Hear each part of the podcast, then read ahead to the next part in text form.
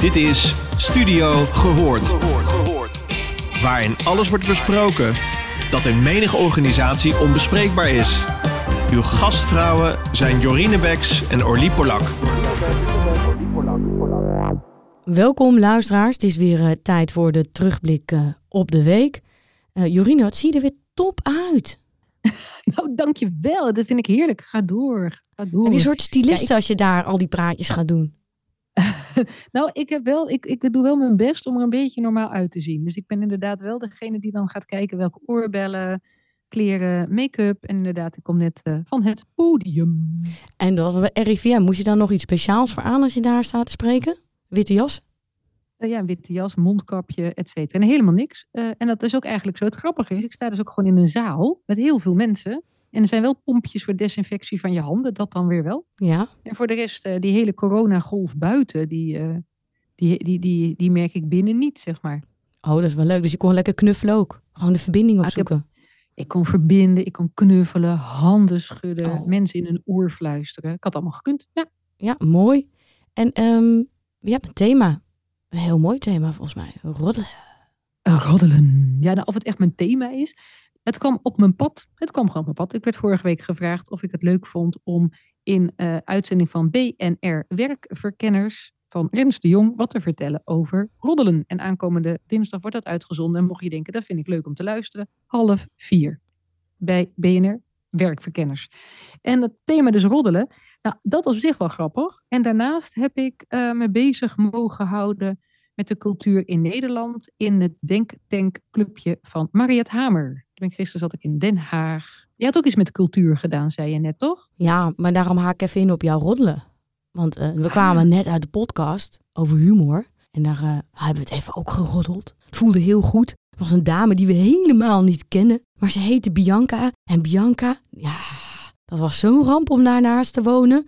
Ja, haar bakken stinken. Haar kat komt gewoon je huis inlopen. En ze bemoeit zich gewoon met alles. Ik had meteen een beeld bij Bianca. Maar hoe gaat dan dat roddelen in zo'n show, hè? Is dat dan goed? Is dat dan slecht? Moet je voorbeelden noemen van roddelen? Je kent toevallig Rens. En Rens houdt er ook volgens mij wel van. Nou, Rens was in ieder geval uh, heel vrolijk, aardig en snel pratend en een mooie klik. Dus dat ging allemaal helemaal op het top. Even zo te roddelen. Kijk, dit is ook roddelen. Ja, hier. is positief roddelen. Ja, ja. En, en, maar daar hadden we het over. Is rodden nou, is dat nou zinvol of is dat zinloos? En, en wanneer is het gevaarlijk? En wanneer is het zingevend? Wanneer leeft het wat op? Het is natuurlijk net als apen die vlooien. Als je roddelt, dan maak je ook wel direct verbinding. Hè? Dus dat is ook wel weer fijn. En dan heb je een gemeenschappelijke vijand, Bianca. En dan vinden we allebei, daar kun je niks tegen zeggen. Dus we praten over haar en niet uh, met haar. Want ja, dat gaat niet. Vind jij ook, vind ik ook. En zo houden we het in stand dat Bianca het niet weet. Dus Bianca weet niet dat die katten bij mij naar binnen komen. Bianca weet niet dat wij vinden dat de kattenbank stinkt. Bianca weet niet wat wij vinden dat ze zich overal mee bemoeit. Want dat zeggen we niet tegen Bianca. Nou, dan heb je dus een roddelen wat nou niet direct echt constructief is. Gebruik je roddelen om even stoom af te blazen, om te toetsen, ben ik de enige, zijn de ander, om vervolgens het lef te hebben om het onbespreekbare bespreekbaar te maken, schiet het wel natuurlijk meer op. Oh, ik heb niet zo'n normatieve mening over roddelen.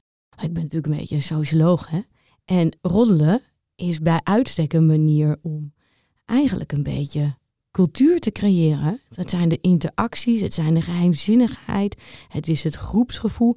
Het is eigenlijk gewoon ook heel erg effectief. Je ziet het natuurlijk al bij uh, tieners. Die hoort er wel bij, die hoort er niet bij. Dan gaan ze daar lekker mee oefenen. En het geheimzinnige, dat stoute, dat maakt natuurlijk dat je vriendjes wordt. Want als wij nou gaan zitten rollen, heel geheimzinnig over Bianca. Ik ken helemaal Bianca niet, maar ik vind het nu al spannend. En dan ga jij ook dingen erbij verzinnen over Bianca. En in één keer voelen wij ons heel erg vriendjes. En dan gaan we zeggen, ja, maar dat kan ja. niet hoor. Die stinkende bakken, dat is echt gewoon, dat doen wij niet. Dat is gewoon niet bonton. Dat doen we niet. Dat hoort niet bij ons nee. clubje. Dus we gaan ook al een beetje aan de hand van Bianca onze groepswaarden creëren. En dan gaan we zeggen, ja, maar die katten, dat hartstikke leuk dat je dat nou hebt. Maar moet die dan bij mij naar binnen lopen? Daar vinden we dan wat van. Dus dan gaan wij samen met elkaar afspreken. Nou, als ik een kat heb, echt, ja, kom gewoon bij jou niet binnen. Dat, dat, dat, doe ik niet, dat doe ik niet. Dat doen alleen maar Bianca's. Dat, dat doen wij niet. Dus ik vind rollen altijd wel heel interessant. Want wat bespreken ze nou daar in die roddels? En wat blijkt daaruit? Want het is vaak wordt de tegenstander gebruikt om iets nieuws te creëren. Dus die tegenstander wordt een fictief persoon of een fictieve groep waar je heel graag tegen af wil zetten. Waar je heel graag wil laten zien, maar zo ben ik niet. Nou, wij hebben het misschien vorige week gehad over vloeken. Dat vinden we gewoon eigenlijk vreselijk. Allebei vinden we dat vreselijk. Dus wij zouden misschien kunnen roddelen over mensen die vloeken. En gaan we dan allemaal eigenschappen toebedichten die wij niet willen hebben. En allemaal gedragsafspraken die zij dan hebben, die wij niet hebben. Dus dan is roddelen ook wel heel effectief om samen eens te verkennen van wie wil je nou eigenlijk zijn. En ik denk dat mensen dat eigenlijk ook wel zo doen op een manier van roddelen. Het gaat eigenlijk helemaal niet over die persoon. Het gaat er eigenlijk meer over het afzetten tegen die persoon. Is dat nog te sprake gekomen? Ja, nee, dat, dat, dat was maar heel. Ik had niet zo heel veel tijd. Oh. Maar nee, met dit stuk wat je net zei, dat verbindend, hoe het verbindend werkt met een gemeenschappelijke vijand, met het ook toetsen wat ik denk, denk jij dat, eh, daarin aanscherpen, doordat je het dan wel durft te vertellen, wordt dus in ieder geval ook je gedachten verder gevormd. Hè? Dat is zeker de toegevoegde waarde, even heel kort door de bocht, wat je zegt van roddelen. Het is natuurlijk ook bekend, of staat het in Sapiens, is, wordt het ook beschreven, hoe lang we al wel niet roddelen. Weet je, vroeger ging het eerst misschien over, kijk uit, een sabeltandtijger. Maar er werd meer gepraat over die ontzettende leuke, weet ik wat, eh mammoet meneer uit, het ene, hè, uit die ene groep die je dan tegenkomt. En hoe zit dat eigenlijk? Dus roddelen was natuurlijk al heel lang heel verbindend. Dus het wat jij zegt, het heeft inderdaad, is dat het. Maar weet je wat het ook heeft? En dat wist ik niet en dat wist jij misschien wel. Maar voor mij was het nieuw en misschien voor een luisteraar ook. Is dat roddelen? Weet je wie de meeste roddelen, mannen of vrouwen? Wie denk je? Ik denk vrouwen. Ja, klopt. Vrouwen roddelen meer. En weet je waarom? Het, omdat vrouwen het gebruiken als groepsbinding en hiërarchie aan te geven. Dat, dat dacht ik dus ook. Maar wat blijkt nu dus? Onderzoek gedaan natuurlijk naar omgaan met stress. En in de jaren 30 was een onderzoeker en die zei volgens mij alle mensen reageren hetzelfde op stress. Dat is dus eh, ofwel vluchten, ofwel vechten, ofwel in de freeze. Weet je, dat is, doen alle mensen. Toen kwam er een onderzoekster heel wat jaren later, weet ik wat, jaren 50, ik noem maar iets, dat moet ik even opzoeken, dat weet ik niet. Maar in ieder geval, ze Ah, ja. heette Paretti. Die kwam erachter dat vrouwen anders reageren op stress dan mannen. Oh. En dat had ze ontdekt met ratten. Dus er waren ratten en eh, mannetjes en vrouwtjes. En er was stress. En in één keer zag ze dat die vrouwtjesratten ander gedrag gingen vertonen. Die gingen bij stress, hup, direct naar de jongen toe. En verzorgen en slepen en doen. En andere ratten opzoeken, vrouwtjes, et cetera. Toen heeft een ander onderzoek, heel veel jaren later, dit ook Taylor, maar een andere Taylor dan dat we hier wel eens noemen. En die kwam erachter, heeft meer onderzoek gedaan, dat vrouwen, als er stress is, dan willen ze die verbinding en ze ontladen door roddelen. Dus wat er dan gebeurt is, een vrouw die komt vol stress uit van werk. Nou, stel ze heeft kinderen, dan zie je heel Ja. vaak dat ze snel iets met de kinderen of koken iets zorgzaams. is de ene ontlading. Vervolgens belt een vrouw een vriendin. Of ze begint te ouwe hoeren tegen de man die niet wil luisteren, want die heeft ook stress. En die sluit zich af. Die gaat achter, weet ik wat, achter zijn tablet zitten koekeloeren. Maar zo'n vrouw heeft het dus nodig. Dus is, het is een stressreductie. nu is het zelfs zo, hè, zo eindigde met van ja, zou het zo zijn dat vrouwen langer leven dan mannen? Omdat ze beter zijn in de stress te reduceren door daadwerkelijk dat roddelen en van zich afpraten. Oh mijn god, het is ook verbindend en hiërarchie en een stressreliever. Maar ik weet een heel mooi haakje nu naar Mariette Hamer. Want, ja ja, de luisteraar denkt wat is het haakje? Er was mij iets opgevallen in het nieuws. Dat er zijn allerlei Instagram sites, dat weet ik niet, want dat volg ik niet. Maar ik las het in het NRC, dus dan is het al heel wat. Als dit in het NRC eindigt, dat er dus sites zijn die BN'ers volgen om te kijken of ze vreemd gaan. En die, ja, dit dit is helemaal opgeblazen. Het, het, het leidt tot enorme familiedrama's. Met ook hele aparte fenomenen waarin BN'ers hun excuus maken voor het vreemdgaan. En dan helemaal boetekleed aandoen. En ook zeggen van ja, ik was er met mijn hoofd niet bij. Deze wereld is zo stressvol. Ik heb nog heel veel te leren en te ontwikkelen. Maar het iets interessante is, is dat er heel veel van die, eh, ja, hoe moet het, social influencers zijn. Hoe heet die mensen? Influencers komen. Ja, ja, influencers. Ja, En die starten allemaal dat soort blogjes op allerlei social media kanalen. En die liggen daadwerkelijk dus ook in de bosjes, denk ik. En dan worden mensen dus gefotografeerd als ze ergens zitten te eten. Als ze ergens naar een feestje zijn. Het leidt tot enorm veel gedoe. Dus elke week is er dan een nieuwe onthulling van... Oh, wat erg. En die man die krijgt er onwijs van langs. Want dit zijn meestal de mannen die vreemd gaan. Oh, wat erg. En dan gaat iedereen daarop reageren. En dan gaan die bloggers, die gaan dan dus heel erg roepen op, op Instagram dat het terecht is. Dat ze ontmaskerd worden. Want dat liegen en vreemdgaan toch echt niet kan. Je hebt het, het is toch die juicy eh, kanalen zijn dat. Met al met eh, wat, daar is ook echt heel veel. Ja, dat is een beetje, volgens mij is dat het dan ook. Met, op YouTube heb je dat ook. Dat ze dat allemaal gaan uitzoeken, inderdaad, van BN'ers, wat ze allemaal fout doen. En uh, maar daar zijn ook dan dingen naar boven gekomen. Volgens mij ook vanuit Marco Borsato toen is dat echt gestart met zo'n juicy ja. kanaal. Ja, ik kijk er ook niet naar, maar... Ja, maar dan als we dan hebben over Mariette Hamer en sociale veiligheid, kan je afvragen. Ik wist niet dat de middeleeuwen terug was en dat we mensen konden bespieden in, in hun huis, in hun tuin, in hun gewoon privacy. En, en dat we daar dan wat van vinden. Dus we hebben het over sociale veiligheid, over mannen die over de scheef gaan. Maar ik vind dit ook wel redelijk over de scheef. Want iemand heeft er gewoon recht op dat hij vreemd gaat. Dan moet hij toch gewoon lekker met zijn vrouw uitzoeken. Of ben ik nou een beetje gek? Nou ja, natuurlijk de rariteit allemaal. Nu is het wel zo dat de opdracht van Mariette Hamer, die gaat niet direct over uh, het, bio, het spioneren, bespioneren van anderen. Hè? Maar het gaat inderdaad over wel grensoverschrijdend gedrag. En dit klinkt toch wel lichtelijk grensoverschrijdend. Ze heeft dan specifiek ook nog seksueel grensoverschrijdend gedrag. En ze heeft de opdracht gekregen naar aanleiding van, ja, het is nu helemaal zo, The Voice dat men toch eigenlijk wel vond in Den Haag, dit is toch wel heel heftig. En toen bleek het niet alleen de Voice te zijn, toen kwam ook nog Ajax uh, zeg maar om de hoek, om het zo te zeggen. En toen bleek dat er toch wel veel meer in de maatschappij aan de hand was. Dus nu is het idee van, oké, hoe kunnen we dan die cultuur uh, gaan beïnvloeden uh, om zo te zorgen dat grensoverschrijdend gedrag, en breder dan alleen seksueel, dat, dat we daar anders in gaan. Dat het niet eigenlijk verder ontspoort. Daar komt het aan de andere kant op neer. En wat, wat zijn nu basisovertuigingen die maken dat iemand doet wat hij doet? Uh, en dan zijn natuurlijk voorbeelden ook, hè, dat bijvoorbeeld iemand zegt, ja, ik doe dat. Dat is ook zo'n interview met, uh, met een paar jongens. Dit doe ik, dit gedrag, want anders val ik buiten de groep.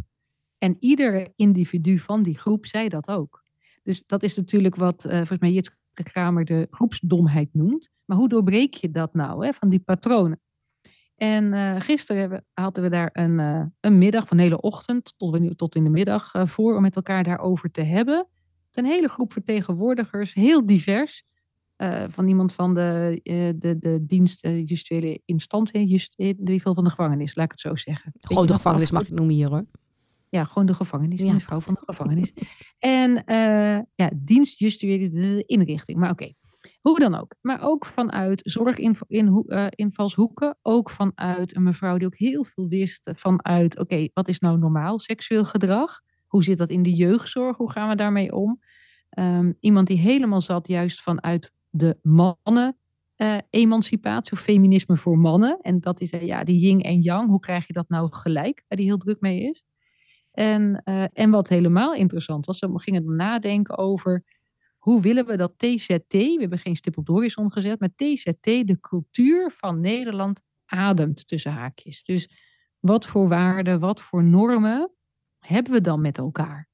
Nou, ik zat dus in een, in een uh, ontzettend leuk, intrigerend groepje. Ook nog met een actrice erbij, met ook die ervaring erbij. En een danseres, dus heel erg divers.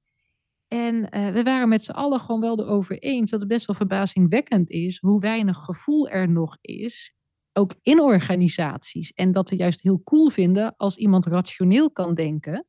En wat ik wel eens noem als een glazenwasser kan observeren.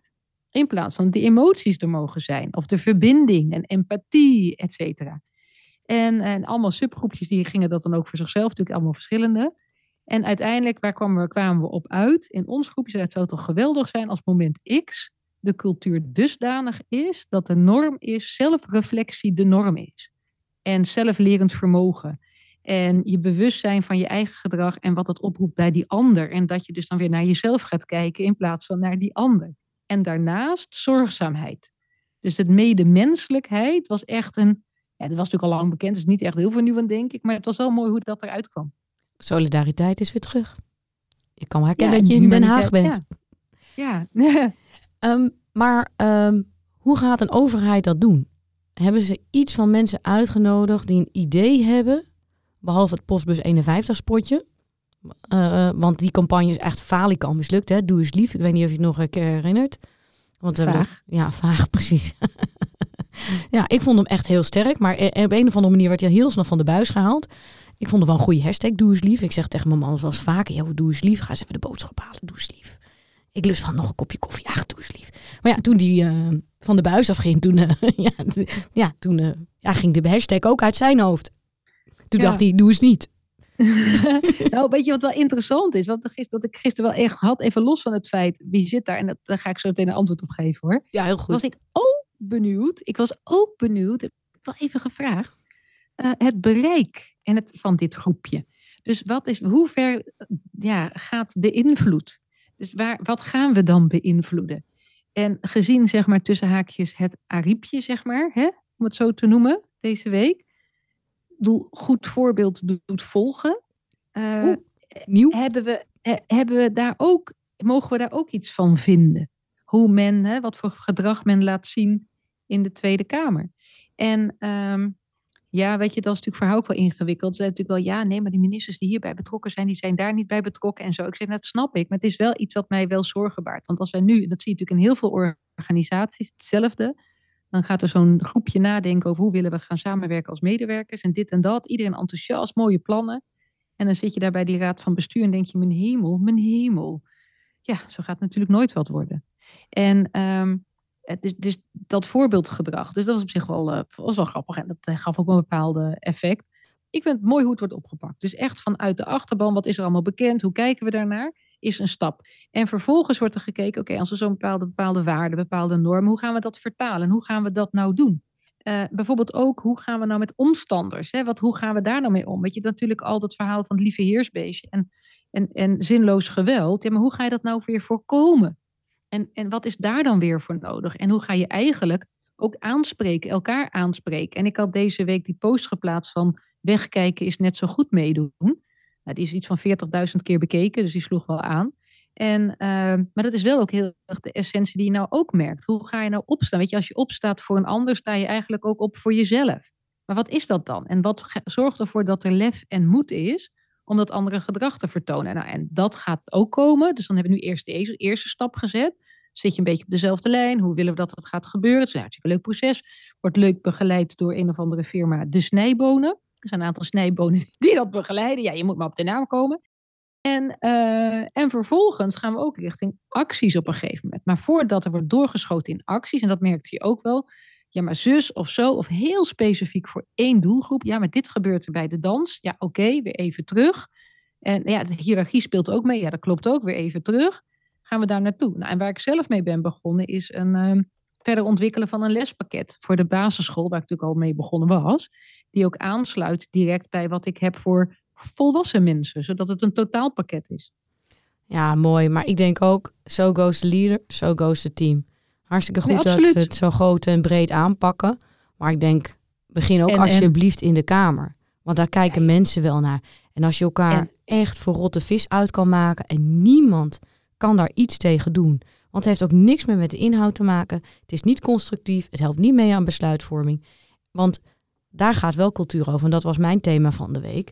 En uh, dat is misschien wel leuk om uh, richting het einde van deze podcast te komen.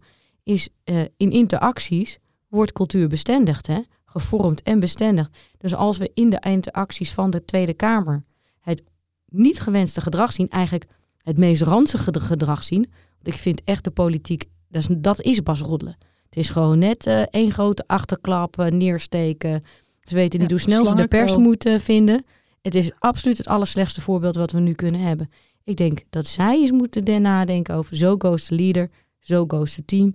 En als wij willen dat we in Nederland gewoon doe eens lief doen, gewoon met fatsoen en respect met elkaar omgaan, moeten de mensen die ons land besturen dat ook gewoon gaan doen.